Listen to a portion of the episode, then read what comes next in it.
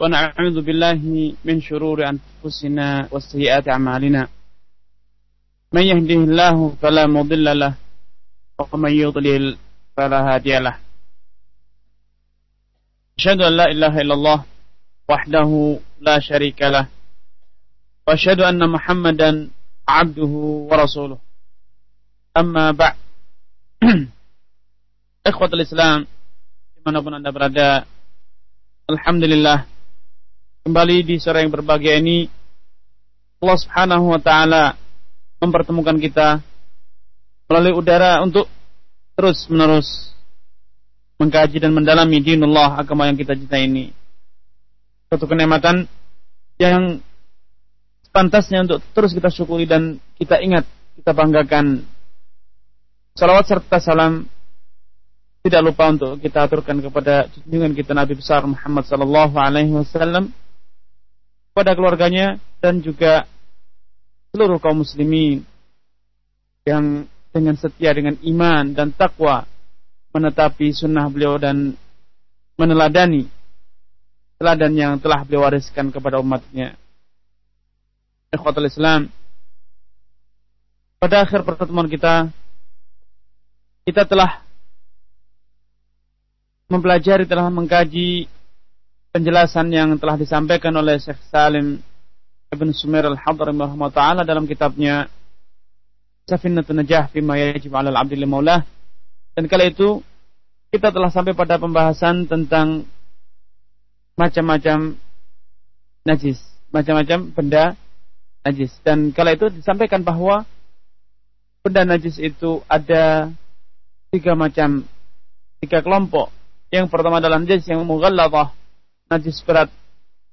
Dan yang kedua adalah najis mukhafafah, najis yang ringan. Dan yang ketiga ialah najis yang mutawassithah, najis yang sedang. Pembagian najis menjadi tiga ini telah disampaikan berdasarkan atau memperhatikan tentang tata cara mensucikan benda najis tersebut. Tata cara kita bersuci diri bila terkena benda najis tersebut. Karena di sini Syekh Salim Ibn Sumar al-Hadar taala mengatakan faslun pasal belum mengupayakan atau melanjutkan menyempurnakan penjelasan tentang benda najis ini dengan mengatakan pasal al-mughalladzatu tadhuru bisab'i ghasalat ba'da izalati 'ainiha ihdahunna fiturabin. najis mughallaba, najis yang berat itu. Tadhuru. Akan menjadi suci. Benda yang terkena najis mughallabah, pakaian, bejana, atau bisa, bisa jadi anggota tubuh Anda. Bila terkena oleh najis mughallabah, yaitu jilatan anjing. Atau kotoran anjing atau darah anjing Tathuru dapat disucikan kembali. Bisa salat. Dengan dibasuh sebanyak tujuh kali. Namun dengan catatan ba'da izalati ainiha. Tujuh tujuh siraman ini atau tujuh basuhan ini dihitung sejak izalati ainiha. Benda yang melekat. Air liurnya atau kotorannya atau darahnya telah hilang dari pakaian Anda atau bejana Anda ataupun anggota tubuh Anda. Dengan demikian,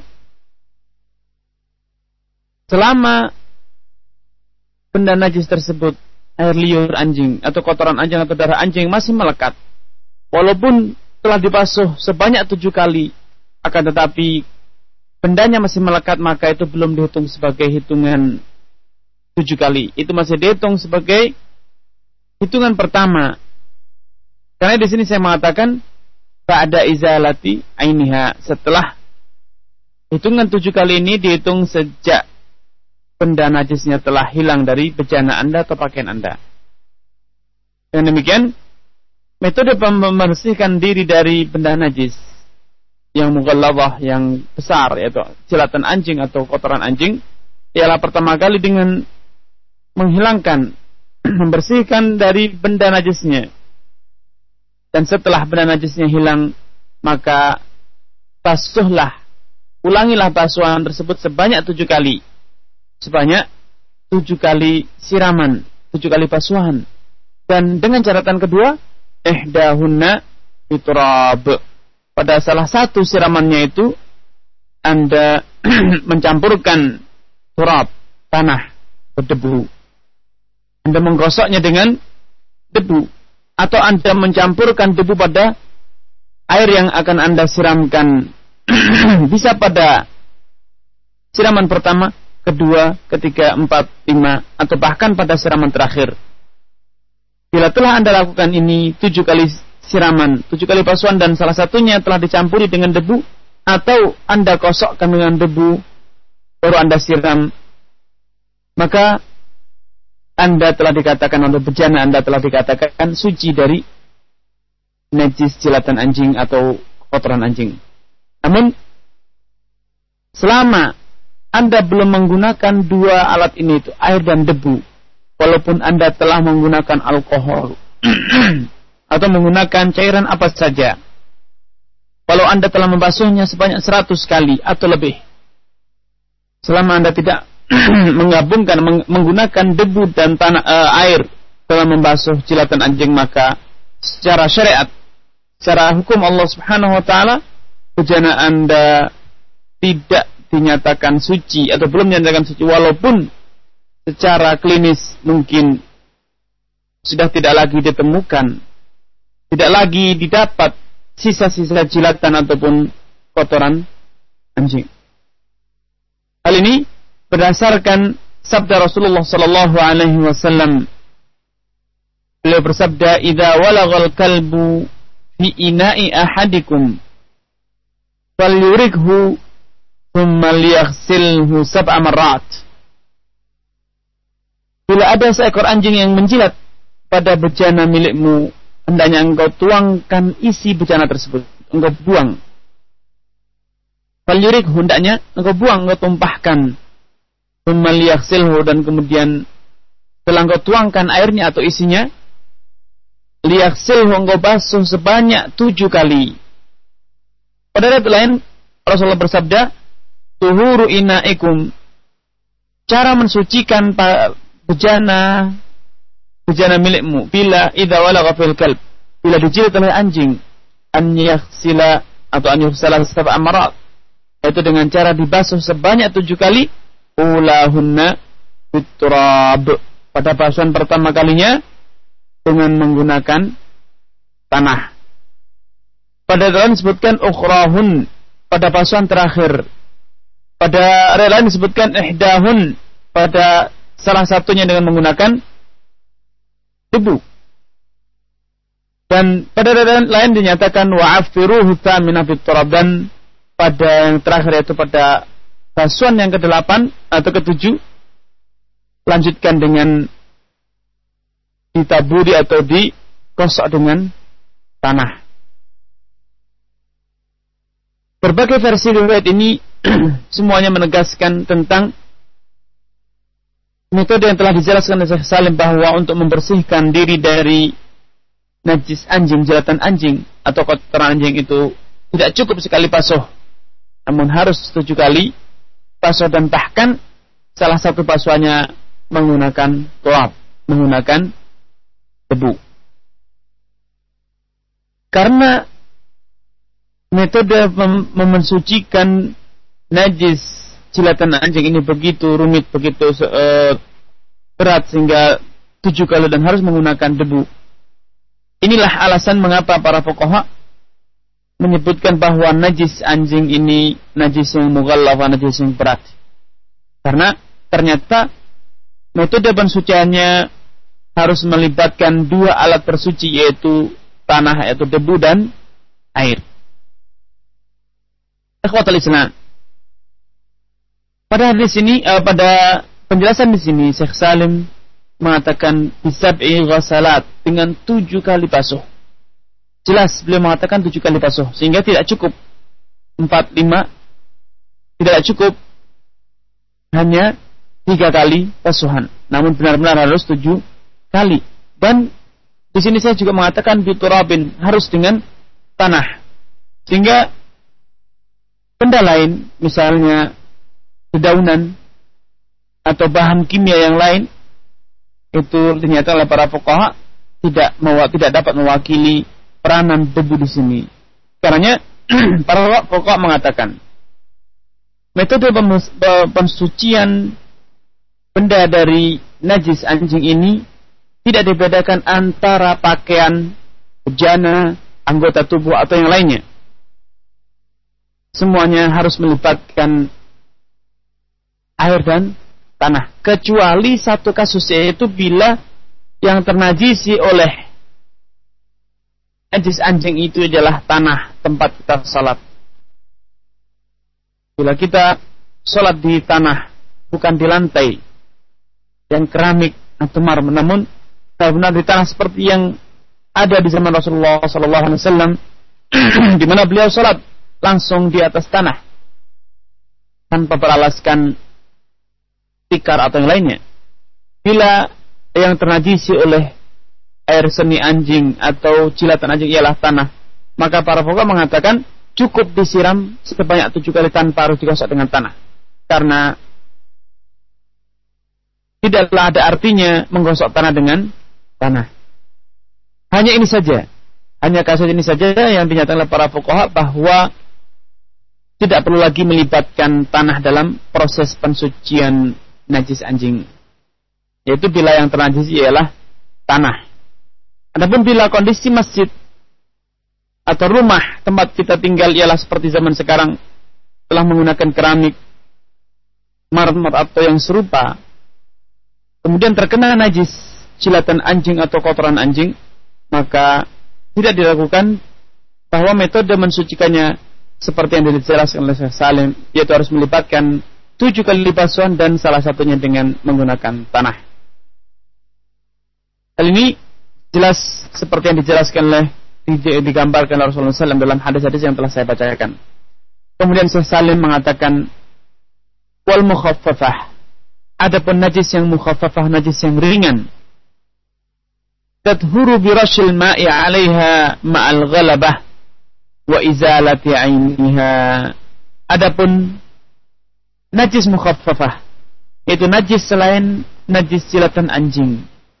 Maka metode mensucikannya tathuru bi rasyil ma'i 'alaiha itu dengan cara menyiramkan air ke atasnya ma'al ghalabah dan tentunya air yang disiramkan itu dalam jumlah yang cukup, dalam jumlah yang banyak.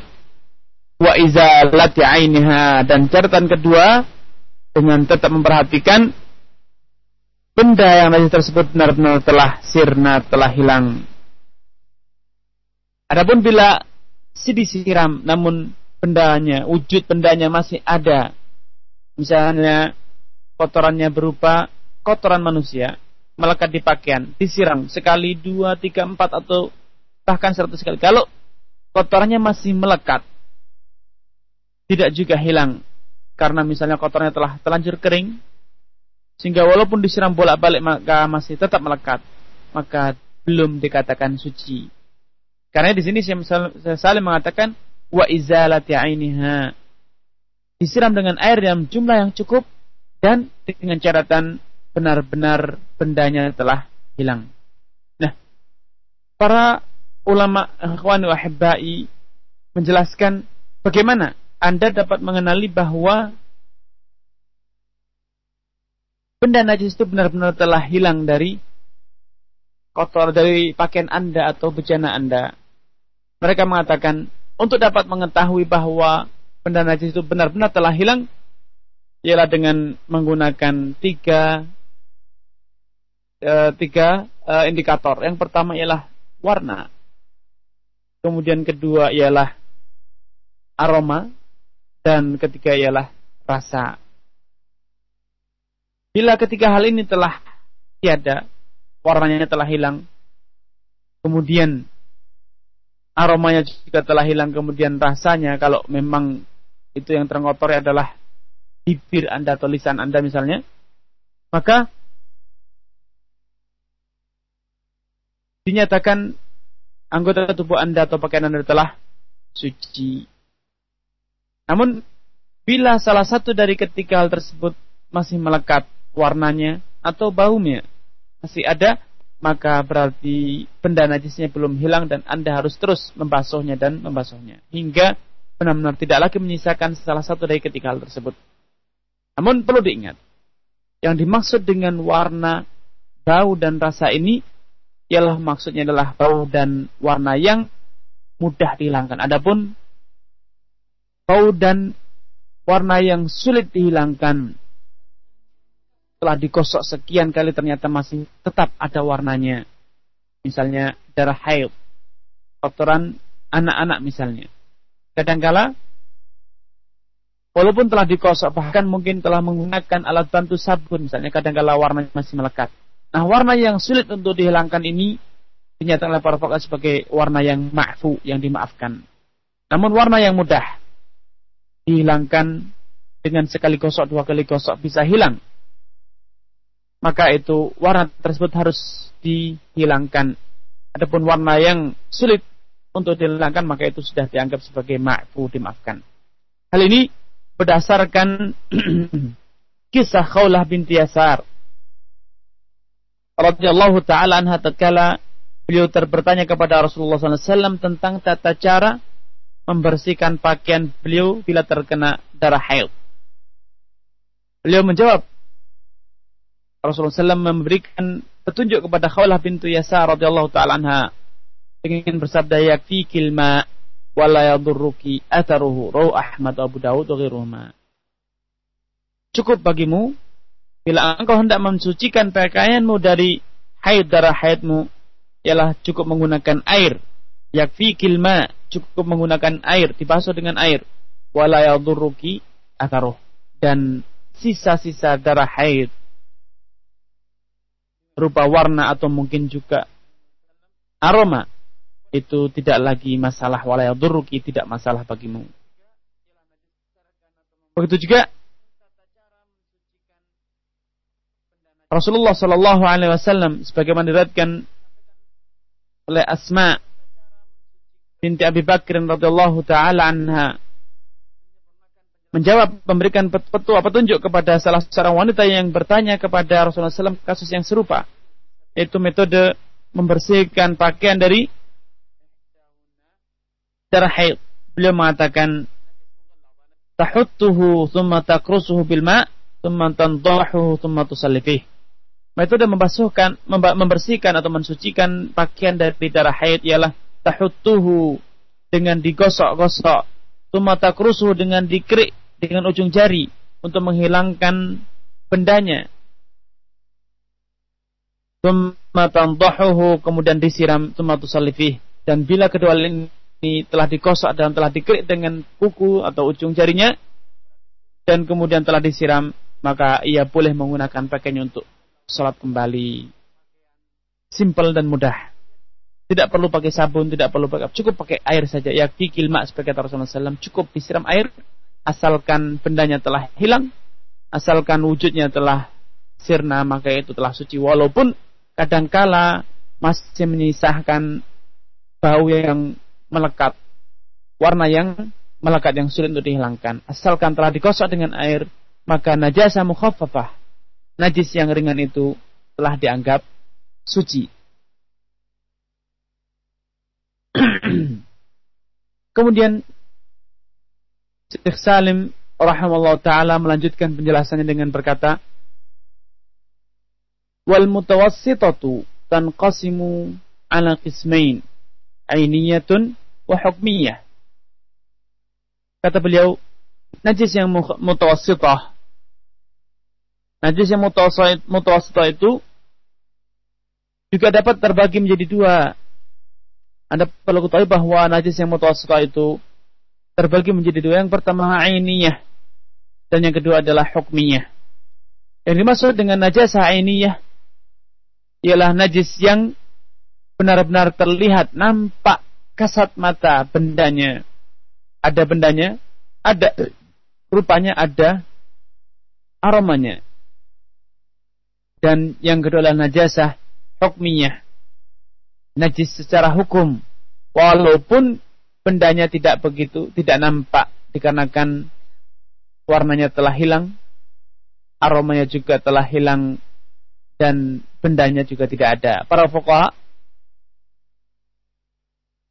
menjelaskan memberikan contoh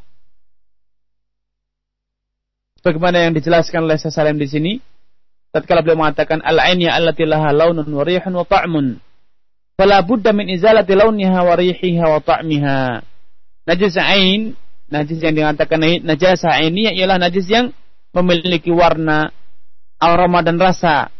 Karena kata Syekh untuk mensucikan najis ainiyah ini yang memiliki warna aroma dan rasa ini benar-benar harus menghilangkan warna aroma dan rasanya. Dan seperti yang telah disampaikan tadi bahwa yang dimaksud dengan menghilangkan warna, aroma dan rasa ialah warna dan aroma yang mudah dihilangkan, yang bisa dihilangkan dengan air saja.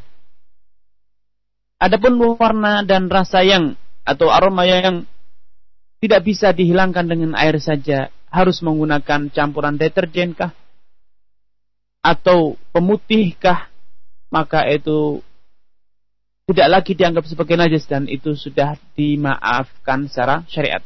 Hingga bila Anda suatu saat kehabisan deterjen atau setelah menggunakan deterjen namun warnanya juga tidak kunjung hilang karena harus menggunakan pemutih, maka secara syariat Anda tidak harus menggunakan tidak berkewajiban untuk menggunakan deterjen. Anda juga tidak berkewajiban untuk menggunakan pemutih. Pakaian Anda telah dinyatakan suci pakaian Anda telah dinyatakan suci walaupun masih kelihatan warnanya kuning atau merah atau yang lain. Hal ini penjelasan ini ikhwan wahibbai berdasarkan kepada hadis khawlah di atas yang telah saya bacakan yakfi kilma. Rasulullah SAW telah memberikan arahan kepada khawlah tentang pedoman membersihkan najis haid yaitu cukup dengan yakfi kilma wala yaduruki atharuh cukup dibasuh dengan air, digosok dengan air, dan selanjutnya sisa-sisa warna ataupun aroma itu sudah tidak masalah. Itu sudah dimaafkan, sudah dianggap suci. Begitu mudah hukum syariat. Namun, kadangkala perasaan kepuasan kadangkala turut berbicara dalam masalah hukum. Sehingga mungkin Anda berkata tidak nyaman rasanya, tidak serak, tidak puas. Bila masih ada warna, masih ada aroma yang melekat. Risih, sungkan atau ucapan serupa. Ketahuilah ikhwan wa rasa risih yang itu hanya berdasarkan pada perasaan Anda sungkan atau tidak nyaman. Itu hanyalah perasaan saja. Yang itu tidak ada korelasinya dengan hukum syar'i, hukum agama. Adapun secara hukum syariat, asalkan Anda telah menggosok pakaian Anda dengan air dan ternyata sudah maksimal, tidak bisa lagi hilang. Hanya menggunakan air tidak lagi hilang, maka secara syariat itu telah dianggap suci walaupun Anda tidak nyaman.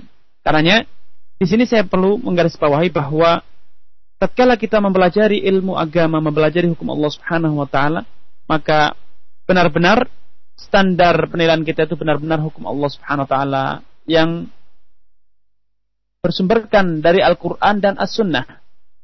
Adapun perasaan, adapun budaya atau tradisi, kebiasaan serak atau tidak serak itu tidak sepantasnya dicampur adukkan dalam penilaian, dalam memberikan hukum. Anda boleh saja tidak serak, namun selama secara dalil itu telah jelas itu dinyatakan suci, halal atau haram, maka sudah sepantasnya Anda tunduk dan patuh dan mengalahkan perasaan Anda dan Anda harus mengikrarkan sami'na wa ata'na. Ya, demikianlah ketentuan syarat telah dianggap suci walaupun saya tidak suka. Walaupun saya kurang serak, walaupun saya merasa risih atau yang serupa. Sedikit keluar dari tema kita. Rasulullah Shallallahu Alaihi Wasallam memberikan contoh konkret dalam metode menghukuman ini, metode mengkaji hukum syariat. Pada suatu hari, sebagian sahabat beliau datang dengan membawa hidangan yang berasalkan dari daging dob. Hewan semisal kadal yang besar yang biasa hidup di negeri Arab yang ia hanya mengkonsumsi, ia hanya memakan dedaunan dan ia hanya minum dari embun yang ia rubah dari pernapasannya. Ia tidak minum air, ia hanya minum merubah uh, udara menjadi air di rongga-rongga mulutnya. Hewan ini oleh penduduk setempat biasa dimakan dan dikonsumsi, terutama oleh penduduk Madinah dan sekitar. Sehingga tatkala Rasulullah SAW hijrah ke kota Madinah, beliau mendapatkan sebagian sahabatnya hendak memakan daging hewan ini, hewan dob. Namun dikarenakan tradisi atau hewan ini jarang ditemukan di kota Arab, beliau merasa jijik, merasa risih untuk turut serta makan ini, sehingga beliau tidak turut serta mengkonsumsi hewan ini. Maka para sahabat, para sahabat bertanya Rasul, ah haramanhu, apakah itu haram? Beliau menjelaskan, ini a'afuhu, aku merasa sungkan, merasa risih untuk memakannya. Fa'innahu laisa bi ardi karena hewan ini tidak pernah ada di kampung halaman di kota Mekah. Penduduk kota Mekah tidak pernah memakan hewan ini. Sehingga beliau merasa risih untuk memakannya. Namun ternyata beliau tetap mengizinkan merestui para sahabatnya dari penduduk Madinah untuk menikmati hidangan yang berasalkan dari daging top ini. Demikianlah ikhwan wahibbai. Bagaimana Rasulullah SAW memisahkan antara tinjauan secara dalil dengan perasaan, dengan kebiasaan, dengan selera pribadi. Bisa jadi Anda tidak suka, namun tidak sepantasnya Anda menjadikan ketidaksukaan Anda sebagai standar hukum halal dan haram. Contoh lainnya misalnya. Sahabat Al-Bara ibn Azib radhiyallahu taala anhu tatkala beliau bertanya kepada Rasulullah sallallahu alaihi wasallam tentang cacat apa saja yang harus dihindari pada hewan korban. Maka Rasulullah SAW menjelaskan ada empat hal. Yaitu al-arja al-bayin arajuha, pincang, cacat pada kakinya, yang nyata-nyata kepincangannya. Kemudian yang kedua, al-kasir allati la tungki. Itu hewan yang kurus, kering, kerontang, tidak memiliki daging, tidak memiliki sungsung. Kemudian yang ketiga ialah al-aura, juling. Mata juling pada hewan yang nyata-nyata nampak jelas kejulingannya. Dan yang keempat, al-maridah. Hewan yang sedang menderita sakit. Yang sakit itu begitu nampak Kemudian Al-Bara Azib berkata, Kultu, aku berkata pada Rasulullah SAW menimpali penjelasan Rasulullah SAW mengatakan ini akrohu an yakuna fil korni naksun wa an yakuna fis sini naksun. Aku tidak suka, aku merasa kurang serak untuk berkorban dengan kambing, dengan domba yang tanduknya patah atau giginya telah tanggal. Maka Rasulullah SAW memberikan arahan kepada Al-Bara' bin Azib radhiyallahu taala beliau mengatakan makari tahu fada'hu wala tuharrimhu ala ahad. Apa yang kau tidak suka, silahkan engkau hindari, engkau tinggalkan namun jangan pernah engkau mengatakannya, jangan pernah engkau mengharamkannya kepada orang lain. Engkau silahkan tidak suka, engkau silahkan tidak serak, engkau silahkan tidak nyaman. Itu adalah perasaan pribadi, namun jangan pernah engkau mengharuskan kepada orang lain. Nah, ikhwan wa pendengar di mana-mana Anda berada. Kemampuan seorang muslim untuk memisahkan antara perasaan pribadi dengan kepatuhan kepada Allah sami'na wa ini ini adalah cermin keimanan Anda, cermin objektivitas Anda dalam penilaian dan dalam berdalil. Caranya jangan pernah campur adukkan antara perasaan Kembali pada tema kita. Pakaian yang telah dibasuh telah digosok dengan air. Pakaian yang tadinya telah terkena najis, kotoran putra kita misalnya, atau darah haid yang telah digosok dengan air, walaupun sering kali masih menyisakan aroma atau warna secara hukum syariat itu telah suci, seperti yang dijelaskan Rasulullah SAW, yakfi kilma wa Cukup engkau basuh dengan air dan sisa-sisanya itu tidak masalah, tidak mengapa. Ini adalah ketentuan syarat. Karena tidak ada kata lain bagi kita kecuali untuk mengatakan sami'na wa. Ya, kami mendengar dan kami patuh dan kami mengatakan itu telah suci. Masalah kita tidak serak untuk menggunakannya, risih untuk menggunakannya, tidak sedap baunya, itu urusan perasaan semata. Tidak sepantasnya dijadikan, dicampur adukkan dengan hukum syariat. Kemudian Syekh Salim melanjutkan penjelasannya dan mengatakan wal hukmiyah. Allati la launa wala riha laha yafika jaryul ma'i 'alaiha. Adapun najis hukmiyah najis secara hukum ialah benda yang terkena najis akan tetapi warna, aroma dan rasanya telah hilang. Dicontohkan oleh para fuqaha. Najis hukum ini misalnya adalah pakaian yang terkena air seni namun karena dibiarkan sekian lama sehingga kering warnanya telah hilang dan rasanya pun juga telah sirna. Namun belum pernah dipasuh. Bisa jadi Anda, pakaian Anda terkena air seni putra Anda. Namun karena lupa Anda hanya mencantolkan meletakkannya atau bahkan mungkin membiarkannya di luar rumah sehingga terkena angin, terkena debu, sehingga terkena sinar matahari, sehingga pakaian tersebut menjadi kering dan baunya pun telah berubah dari bau pesing bau air pipis kemudian berubah menjadi bau debu karena terkena debu sehingga warna rupa dan bisa jadi rasanya pun telah berubah walaupun warna dan rasanya telah berubah telah hilang sepanjang ini namun secara hukum syariat itu pakaian Anda masih tetap dinyatakan sebagai pakaian najis karena belum pernah dibasuh, belum pernah disucikan. Namun karena bentuknya barang yang sudah tidak ada ini maka dinyatakan sebagai najis hukmi secara hukum najis. Nah, untuk mensucikan pakaian yang najis secara hukum ini dinyatakan oleh Salam di sini di, beliau mengatakan menjelaskan yakfika jaryul ma'i 'alaiha. Cukup dibasuh sekali saja, cukup disiram dengan sekali siraman saja. Bila Anda telah menyiramnya, maka pakaian Anda telah dinyatakan suci. Bisa jadi lantai Anda pun demikian. Kadangkala putra-putri Anda mempol di lantai misalnya.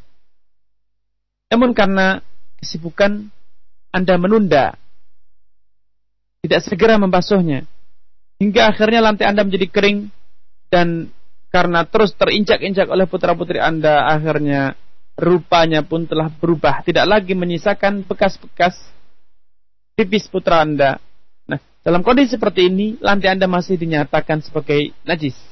Untuk mensucikannya, maka cukup disiram, dibasuh sekali saja. Bila telah dibasuh sekali saja, telah disiram, dikuyur dengan air sekali saja, atau misalnya mungkin bisa jadi Anda usap dengan kain basah, digosok dengan kain basah atau disiram dengan air, maka itu telah dinyatakan suci.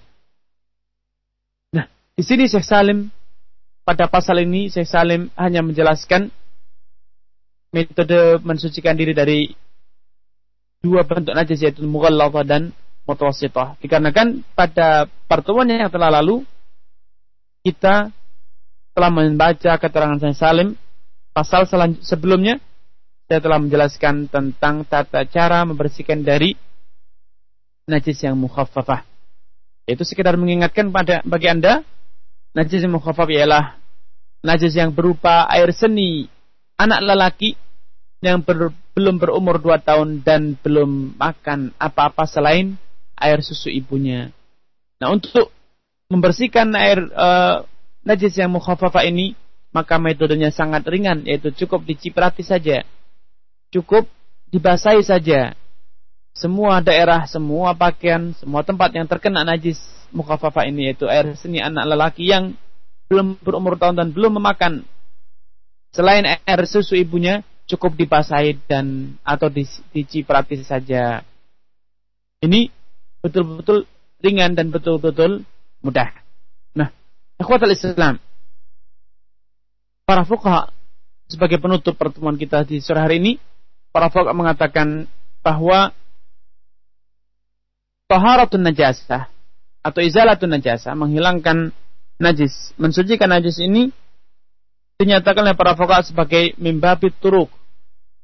Salah satu amalan yang berupa meninggalkan, menjauhi suatu hal, suatu larangan.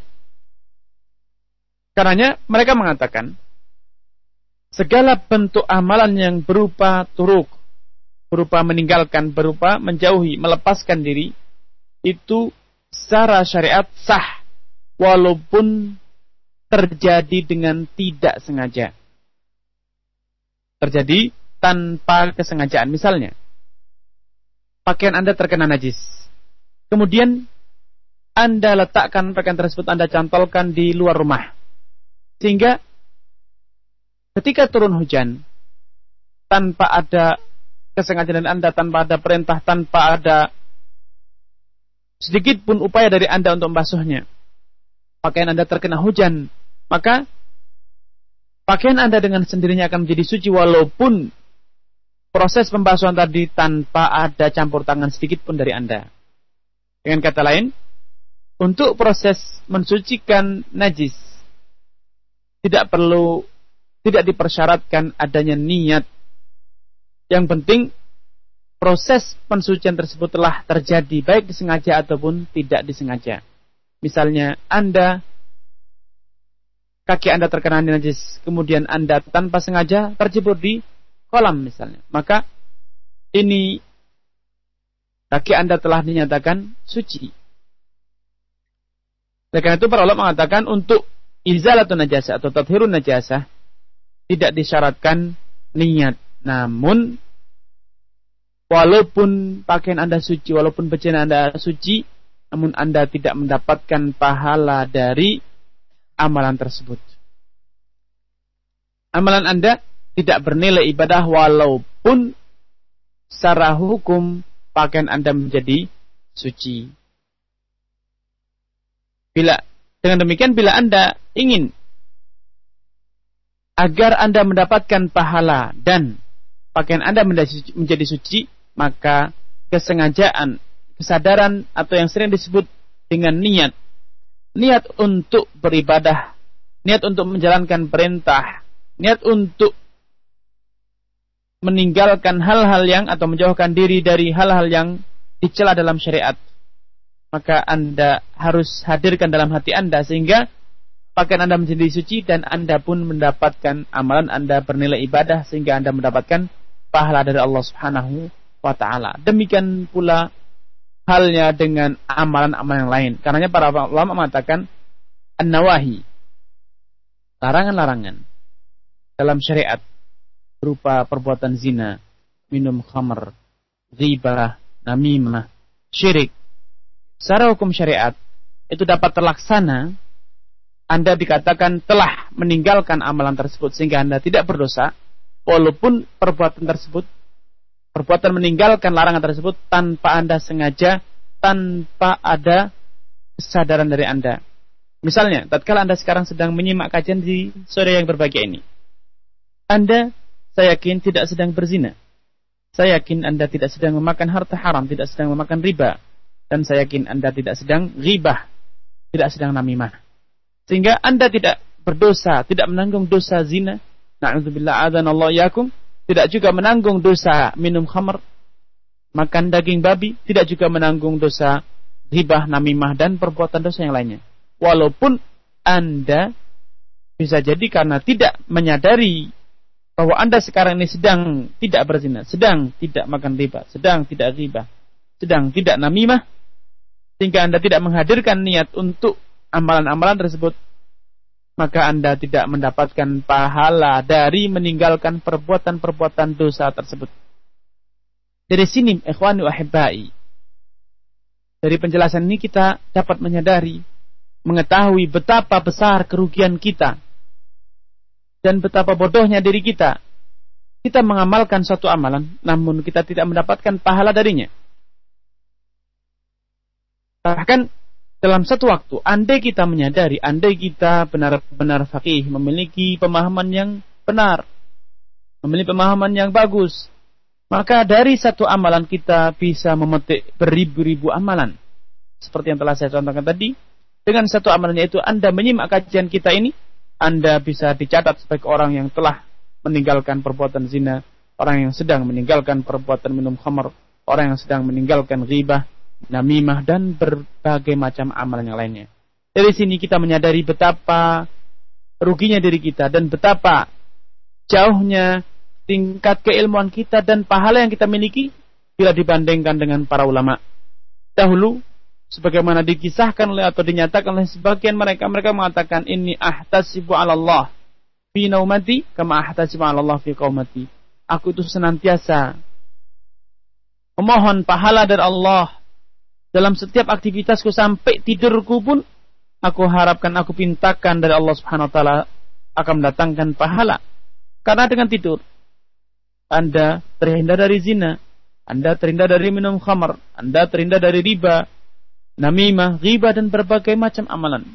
Sehingga bila Anda niatkan ketika Anda tidur agar tidak berzina, agar tidak minum khamar, agar tidak berkata-kata saya akan tidur istirahat.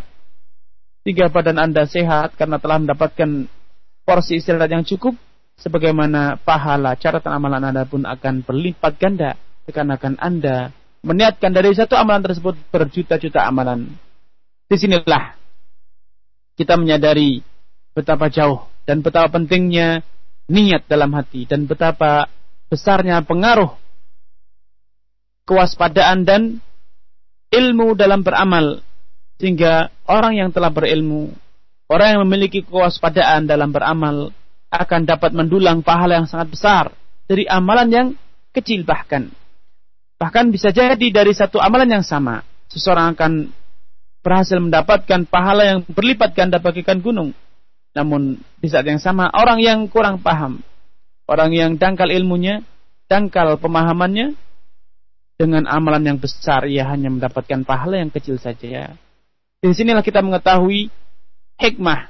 Sebagian dari hikmah sabda Rasulullah SAW tatkala beliau mengatakan, La tasubbu ashabi. Janganlah kalian mencaci sahabatku. Jangan kalian mencela sahabatku. Walladhi nafsi biadih. Sungguh demi Allah yang jiwaku ada dalam genggamannya. Lau anna ahadakum anfaqa mithla Uhudin dahaba andai. Kalian itu menginfakkan sebesar gunung Uhud, menginfakkan emas sebesar Uhud, sebesar gunung Uhud. Niscaya itu tidak akan bisa menyerupai pahala yang berhasil didapatkan oleh para sahabatku hanya dengan berinfak separuh genggam tangan ber, e, bahan makanan saja. Hanya segenggam bahan makanan saja yang mereka infakkan atau bahkan separuhnya saja karena di antara inilah kepandaian mereka, kewaspadaan para sahabat, dan ketulusan niat yang ada pada diri mereka serta ilmu yang ada pada diri mereka sehingga mereka dengan pahala dengan amalan yang kecil mereka dapat melipat gandakan pahalanya dengan niat yang begitu istimewa dengan keikhlasan yang begitu penuh dan berbagai macam bentuk niat yang dapat mereka hadirkan dalam jiwa mereka. Ini yang bisa saya sampaikan pada kesempatan yang berbahagia ini. Semoga apa yang telah disampaikan ini meningkatkan ilmu kita, amal kita, dan kemudian itu membimbing kita untuk dapat menggapai keridhaan Allah Subhanahu wa taala kelak di hari kiamat. Wassalamualaikum warahmatullahi wabarakatuh. Waalaikumsalam warahmatullahi wabarakatuh. Kami ucapkan terima kasih jazakallah khairan atas pembahasan yang disampaikan oleh Al Ustaz di sore hari ini. Saudara Gus Iman, demikian sesi materi kita dari pembahasan kitab Safinatun Najah Fima Yajibu Alal Abdi Lil Maula masih dari pembahasan seputar hukum najis bersama Ustaz Dr. Muhammad Arifin Badri MA Hafirullahu Ta'ala. Ikhwatal Islam rahimakumullah untuk selanjutnya di kesempatan berikut kita akan e, memberikan kesempatan untuk Anda bertanya kepada Al Ustad di sore ini. Bisa Anda hubungi kami melalui telepon 021 823 6543 atau dengan melalui pesan singkat di 089 kami ulangi 089 0819896543 dan kami harapkan pertanyaan Anda sesuai dengan pembahasan kita agar kita lebih bisa mengambil faidah dari kajian kita di sore ini. Sudah ada penanya di ujung telepon untuk e, berikut kita akan sapa saja. Halo. Halo, Assalamualaikum warahmatullahi wabarakatuh. Waalaikumsalam warahmatullahi wabarakatuh. Dengan siapa dari mana Bapak? Dengan saudara Azhar di Rantau Perapat. Pak Azhar di Rantau Perapat. Silahkan Pak, tapi mohon maaf sebelumnya dikecilkan volume radionya Bapak. Nah, ya. silakan Pak Azhar. Saya ini ingin bertanya kepada Bapak Al Ustaz. Uh, mohon maaf Pak, masih ada feedback. Jadi uh, mohon maaf untuk Bapak bisa menyimak melalui telepon saja agar tidak terjadi feedback yang uh, mengganggu kualitas audionya. Silakan Pak. Iya, bagaimana Pak? Ya, alhamdulillah silakan. Nah, ini bagaimana Pak seandainya uh, kalau kita uh, pergi ke suatu, ke suatu tempat uh, yang tempat tersebut uh, ada najis yang tidak kita sadari. Yeah. Tapi setelah kita sampai di rumah, uh, baru kita sadar ada najis. Misalnya seperti air, uh, buang air kecil anak bayi Pak ya. Itu bagaimana Pak untuk uh, keterangan lebih lanjut? dan yeah. bagaimana untuk membuktikan tersebut Pak. Syukran. Assalamualaikum warahmatullahi wabarakatuh. Waalaikumsalam warahmatullahi wabarakatuh. Terima kasih untuk Pak Azhar. Silakan Ustaz. Terima kasih kepada Pak Bapak Azhar dari dan Rapat. Semoga Allah Subhanahu wa taala senantiasa memberkahi dan melimpahkan taufik kepada Bapak dan keluarga atas kerana dan hati Bapak menyimak kajian di sore hari yang, yang berbahagia ini. Ikhwan wa syariat Allah Subhanahu wa taala apa pun bentuknya baik itu perintah ataupun larangan tentu itu berkait erat dengan kesadaran kita dan pengetahuan kita tentang perintah dan larangan tersebut. Bila kita tidak mengetahui adanya larangan atau tidak mengetahui adanya perintah, maka sebagai mana Allah nyatakan la yukallifullahu nafsan illa usaha. Allah tidak akan memerintah, tidak akan membebani seseorang di luar kemampuannya. Begitu juga di dalam hadis Rasulullah mengatakan Inna Allah tajawaza ummati anil khata' wa nisyan wa mastukrihu alaih. Allah Subhanahu wa taala telah maafkan umatku atas segala hal yang mereka lakukan dengan tanpa mereka sadari atau mereka telah lupakan atau terlupakan oleh mereka dan hal-hal yang mereka terpaksa atau dipaksa melakukannya. Bila tadi Bapak menyatakan atau Bapak Azhar tadi menanyakan bila kita mendatangi tempat najis namun kita tidak menyadari bahwa tempat tersebut ada najisnya atau kita tidak menyadari bahwa diri kita terkena najis maka itu dimaafkan secara hukum syariat. Namun setelah kita mengetahuinya setelah mengetahui ternyata di kaki kita ada najis maka kembalilah kepada hukum asal yaitu kita wajib mensucikannya. Namun catatan saja bila Bapak terlanjur mendirikan sholat dengan pakaian yang tidak Bapak sadari ternyata telah terkena najis. Bapak hanya mengetahui, Bapak hanya menyadari setelah Bapak selesai sholat. Maka dalam kasus seperti ini menurut jumhur ulama, kebanyakan ulama Bapak diwajibkan untuk mengulang. Untuk mengulang sholat. Dikarenakan terbukti Bapak mendirikan sholat dalam keadaan membawa najis. Akan tetapi pendapat ini dikritisi oleh sebagian ulama berdasarkan perbuatan yang pernah dilakukan, kasus yang pernah dilakukan oleh Rasulullah SAW, di mana beliau seusai sholat, seusai sholat subuh, beliau ditegur oleh sebagian sahabat dikarenakan pada jubah beliau terdapat najis dan beliau terdapat darah haid. Beliau kemudian cukup melepas jubahnya dan memerintahkan agar di memerintahkan sebagian istri untuk dibasuh tanpa mengulang sholatnya. Di sini berdasarkan hadis ini sebagian mengatakan bahwa orang yang lupa najis lupa bahwa pada dirinya terdapat najis atau pakaiannya dan ia hanya ingat setelah sholatnya selesai maka itu dimaafkan. Beda bila ia ingat ketika di tengah-tengah sholat maka ia berkewajiban untuk melepaskan pakaiannya seperti yang dilakukan Rasulullah SAW ketika beliau sholat dan diingat oleh Jibril bahwa di terompahnya terdapat najis maka beliau segera melepaskan terompahnya dan melanjutkan sholatnya. Adapun bila bapak lupa wudhu misalnya dan ingat setelah sholat, setelah salam baru ingat bahwa ternyata bahwa bapak tadi lupa belum berwudhu maka sepakat para ulama bahwa bapak harus mengulang sholat bapak. Sehingga dari sini dapat dikatakan beda antara lupa najis dengan lupa wudhu. Kalau lupa wudhu tidak ada dispensasi kecuali harus mengulang. Namun bila lupa najis, maka bila ingatnya setelah sholat maka ada keringanan yaitu tidak wajib mengulang. Akan tapi bila ingatnya di tengah-tengah sholat maka wajib melepaskan najis atau e, menjauhkan diri dari najis tersebut. Allah Taala alam.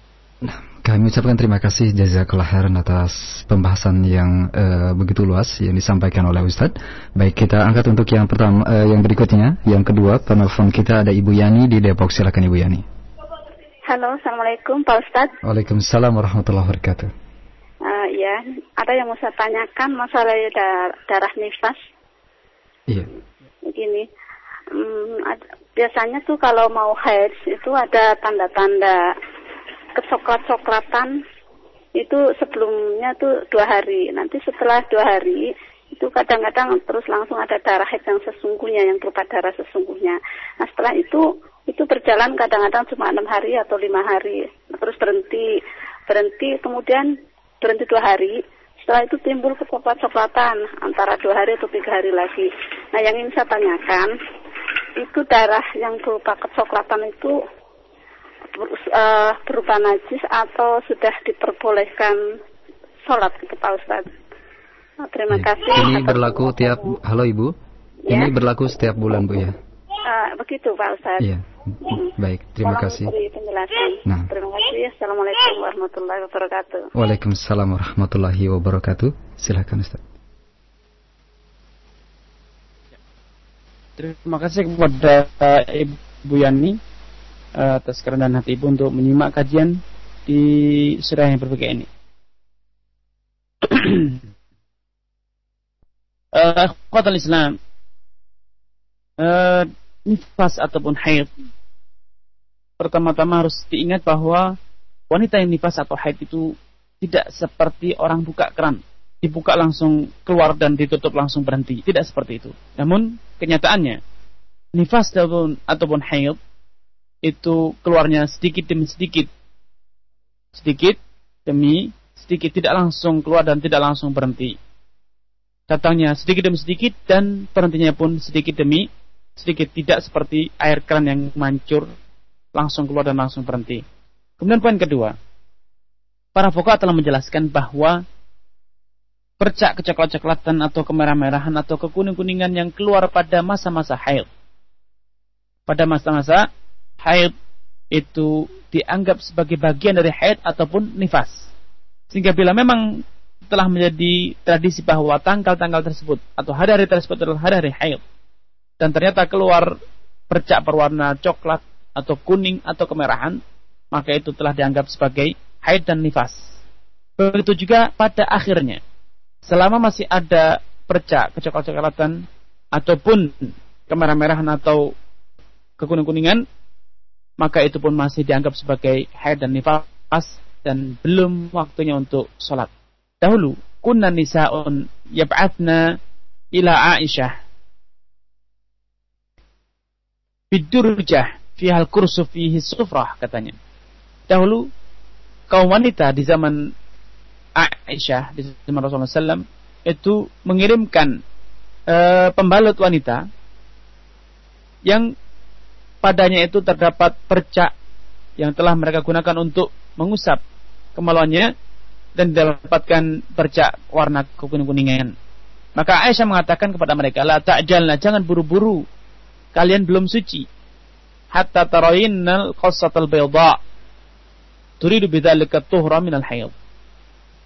Hingga kalian benar-benar mendapatkan kain yang kalian usap itu keluar dalam keadaan bersih, putih bersih, tidak terdapat warna percak kekuning-kuningan ataupun yang lainnya. Karenanya saya katakan kepada ini dan yang lain bahwa selama percak kuning, coklat atau kemerahan yang itu keluar pada masa-masa haid, maka itu semua dianggap sebagai bagian dari haid. Dengan demikian dua hari sebelum keluarnya darah dan dua hari setelah keluarnya darah itu semuanya masih dianggap sebagai bagian dari haid dan ataupun nifas. Wallahu taala a'lam.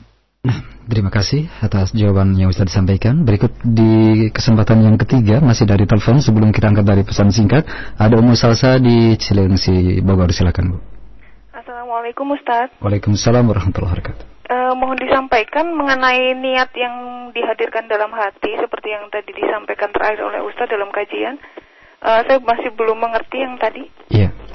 Terima ya. kasih Ustaz. Wassalamualaikum. Waalaikumsalam warahmatullahi wabarakatuh. Silakan Ustaz. Terima kasih pada Ummu Salsa dari Cilengsi. Semoga Allah Subhanahu wa taala melimpahkan taufik dan menambahkan hidayah kepada ibu dan keluarga atas kerendahan hati menyimak kajian di sore hari ini. Yang saya maksud dengan niat ialah niat ta'abbud, niat beribadah kepada Allah Subhanahu wa taala, menjalankan perintah dan menjauhi larangan. Bila misalnya sekarang Ibu Ummu Salsa sedang menyimak kajian kita di melalui radio di sore hari ini.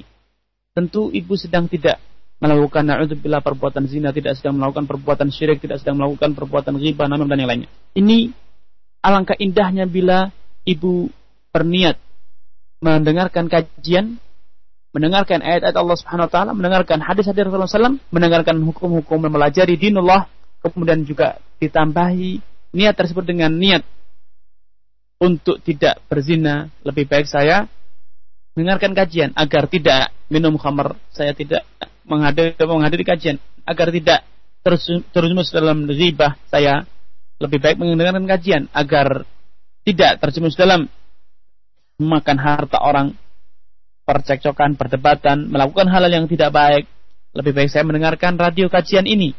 Nah, dengan menambahkan niat dan semacam ini, tentu amalan ibu ini akan berlipat ganda, pahala yang akan ibu peroleh akan berlipat ganda. Walaupun amalannya tetap sama, itu-itu saja ibu duduk di kursi sambil bersadaran, mungkin sambil minum kopi atau minum teh.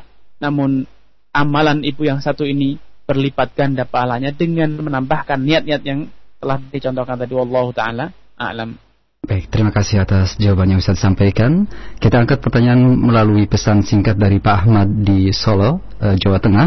Namun sebelumnya kami ucapkan selamat menunaikan ibadah sholat maghrib untuk para pendengar Radio Roja di wilayah Sulawesi Utara yang menyimak melalui Radio Al-Huda uh, di kesempatan petang hari ini. Baik, dari Pak Ahmad di Solo Ustaz.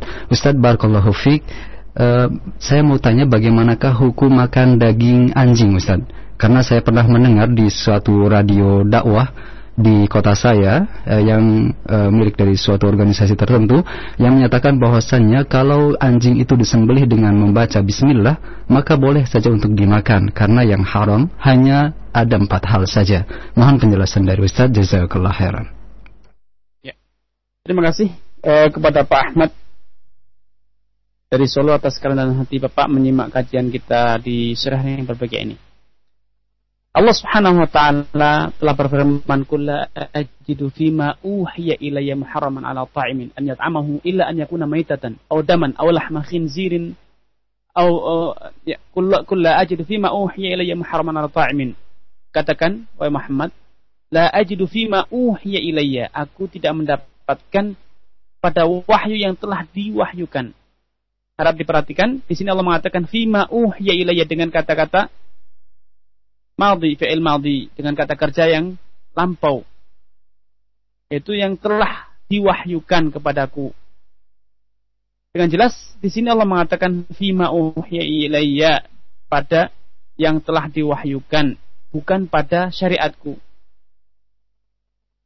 Karena para ulama, para ahli tafsir mengatakan ayat ini tidak dapat dijadikan dasar bahwa benda haram itu hanya empat yaitu meita, bangkai, darah, daging babi atau hewan yang disembelih dengan menyebut nama selain Allah Subhanahu wa taala. Ayat 145 dalam surat Al-An'am ini tidak dapat dijadikan dalil untuk mengatakan bahwa yang haram itu hanya empat. Dikarenakan telah dapat banyak hadis telah dapat terdapat banyak hadis yang menjelaskan tambahan hal-hal yang diharamkan dalam syariat. Misalnya hewan yang hewan buas yang bertaring, burung buas yang berkuku panjang, kemudian himar, keledai Cina, keledai wahsi, uh, uh, keledai uh, ya Cina. Kemudian juga di antaranya adalah al-fawasik, setiap binatang yang disebut fawasik, misalnya ular burab, burung gagak, dan juga di antaranya adalah anjing. Hal ini berdasarkan misalnya tentang anjing secara khusus Abu Juhaifah radhiyallahu taala anha sebagaimana diriwayatkan oleh Imam Bukhari dan juga Imam Muslim. Begitu juga sahabat Jabir radhiyallahu taala anhu meriwayatkan bahwa Rasulullah anna Rasulullah sallallahu naha an thamanil kalbi wa mahril baghi wa hulwanil kahin. Nabi sallallahu alaihi wasallam melarang kita dari hasil penjualan anjing. Dan tidak diragukan bahwa larangan yang datang di sini, larangan untuk menikmati hasil penjualan anjing ini itu merupakan dalil yang nyata bahwa anjing itu termasuk binatang yang haram untuk dimakan. Bila hasil penjualannya saja diharamkan apalagi anjing, apalagi dagingnya. Tentu lebih layak untuk dikatakan haram. Hal ini juga dikuatkan oleh sabda Rasulullah SAW, Inna Allah idha harrama syai'an, harrama tamanahu. Sejatinya Allah Subhanahu wa taala bila mengharamkan suatu hal bila Allah Subhanahu wa taala mengharamkan atas umatnya untuk memakan suatu hal, maka pasti Allah akan mengharamkan pula hasil penjualannya. Dengan demikian diharamkannya hasil penjualan anjing. Ini merupakan dalil yang nyata bahwa anjing termasuk hewan yang haram. Hadis ini diriwayatkan oleh Imam Ahmad dan lain sebagainya. Adapun tadi yang dinyatakan atau dipertanyakan bahwa ada sebagian orang yang berpendapat, sebagian ormas yang berpendapat bahwa yang haram itu hanya empat, maka ketahuilah sejatinya ini pendapat ini indikator yang menunjukkan bahwasanya kelompok tersebut adalah kelompok orang-orang yang ingkar sunnah. Orang-orang yang mengingkari sunnah. Tidak sudi mengamalkan sunnah. Ia hanya mengamalkan sunnah yang sesuai dengan Al-Quran saja.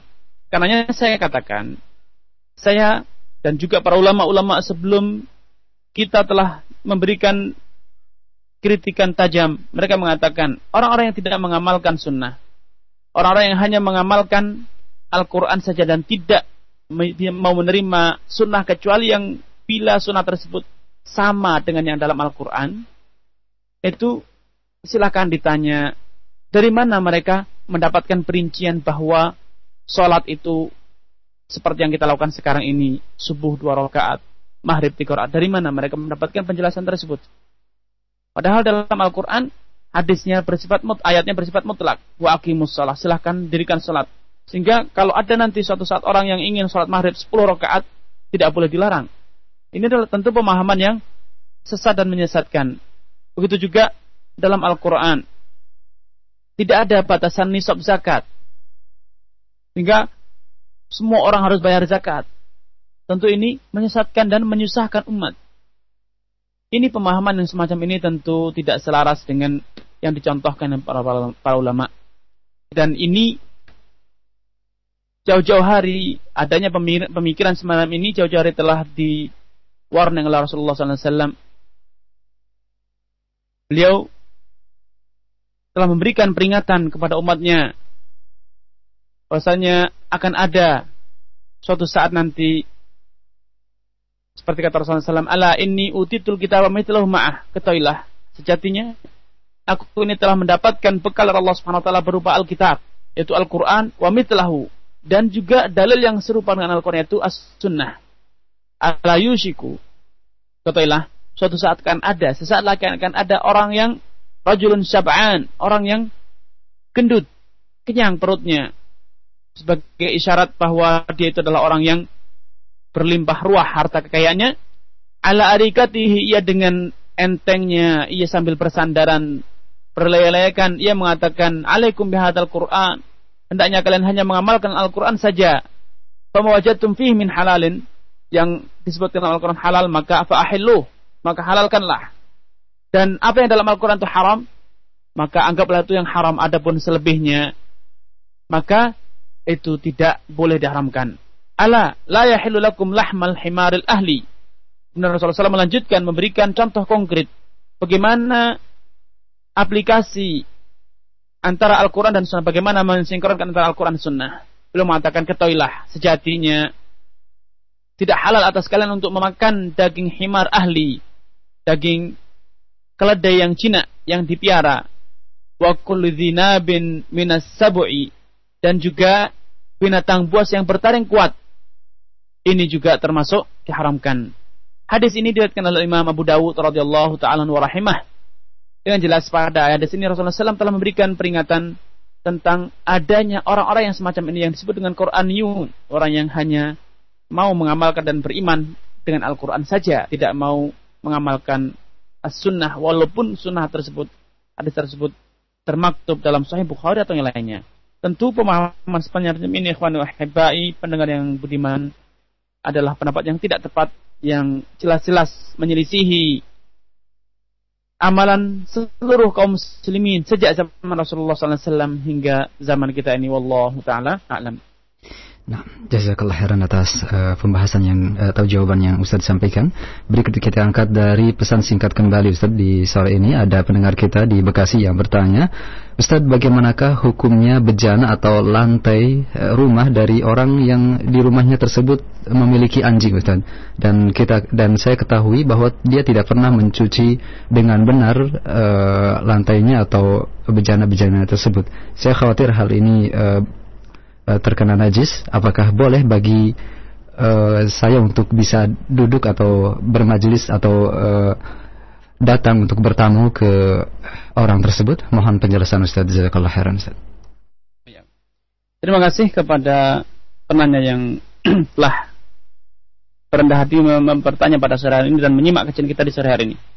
Saudaraku seiman sakidah, ketahuilah bahwa hukum najis itu akan berlaku bila benda yang bersentuhan itu kedua kedua-duanya basah atau salah satunya basah sehingga najis itu dapat tertularkan atau berpindah.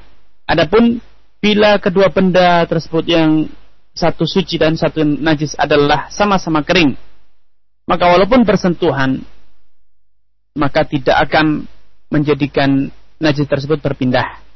Sehingga bila tangan Anda kering menyentuh benda najis yang kering pula, maka tangan Anda tetap suci selama tidak ada dari parsial atau benda najis tersebut melekat di tangan Anda misalnya debunya kah atau yang serupa. Karenanya bila pakaian Anda, tangan Anda, kaki Anda kering dan lantai tempat pemilik anjing pemeliharaan anjing tersebut pun kering, maka tidak ada masalah. Akan tapi bila lantainya basah atau lembab, anda berkeringat atau pakaian Anda basah, maka Anda perlu waspada. Bisa jadi lantainya najis, dijilat anjing, bisa jadi kursinya atau bahkan mungkin bejananya pernah dijadikan sebagai e, bejana untuk memberikan hidangan kepada anjing atau mungkin dijilat oleh anjing. Ini poin pertama. Benar poin kedua, karena beliau adalah teman Anda atau saudara Anda mungkin Anda memiliki kewajiban untuk memberikan peringatan, memberi menegurnya Ingatkan bahwa memelihara anjing itu tidak halal bagi kaum muslimin. Kecuali bila tujuannya adalah anjing untuk dijadikan sebagai anjing berburu, menjaga tanaman, atau menjaga hewan ternak. Adapun anjing untuk dipiara menjadi binatang kesayangan seperti yang sekarang banyak dilakukan oleh sebagian kaum muslimin dikarenakan taklid buta, niru apa adanya terhadap apa yang, yang dilakukan oleh orang-orang orang-orang Nasrani atau orang-orang yang lain, orang-orang kafir, mereka memiliki piara uh, binatang kesayangan berupa anjing dan yang serupa, maka ini adalah suatu perbuatan dosa. Bahkan Rasulullah SAW telah menjelaskan bahwa orang yang memelihara anjing bukan karena tujuan-tujuan di atas, bukan untuk berburu, bukan untuk uh, menjaga hewan ternak ataupun ladangnya, itu akan pahalanya akan berkurang setiap harinya sebesar dua gunung Uhud. Pahalanya akan berkurang setiap harinya sebesar gunung Uhud. Rasulullah SAW menyatakan menikmati kalban la yugni anhu zar'an wala tar'an kula yawmin. Barang siapa yang memelihara anjing bukan untuk menjaga tanaman atau untuk menjaga hewan ternaknya, maka setiap hari pahalanya akan berkurang satu kirot dan satu kirot itu adalah ukuran sebesar gunung Uhud hasbunallah wa.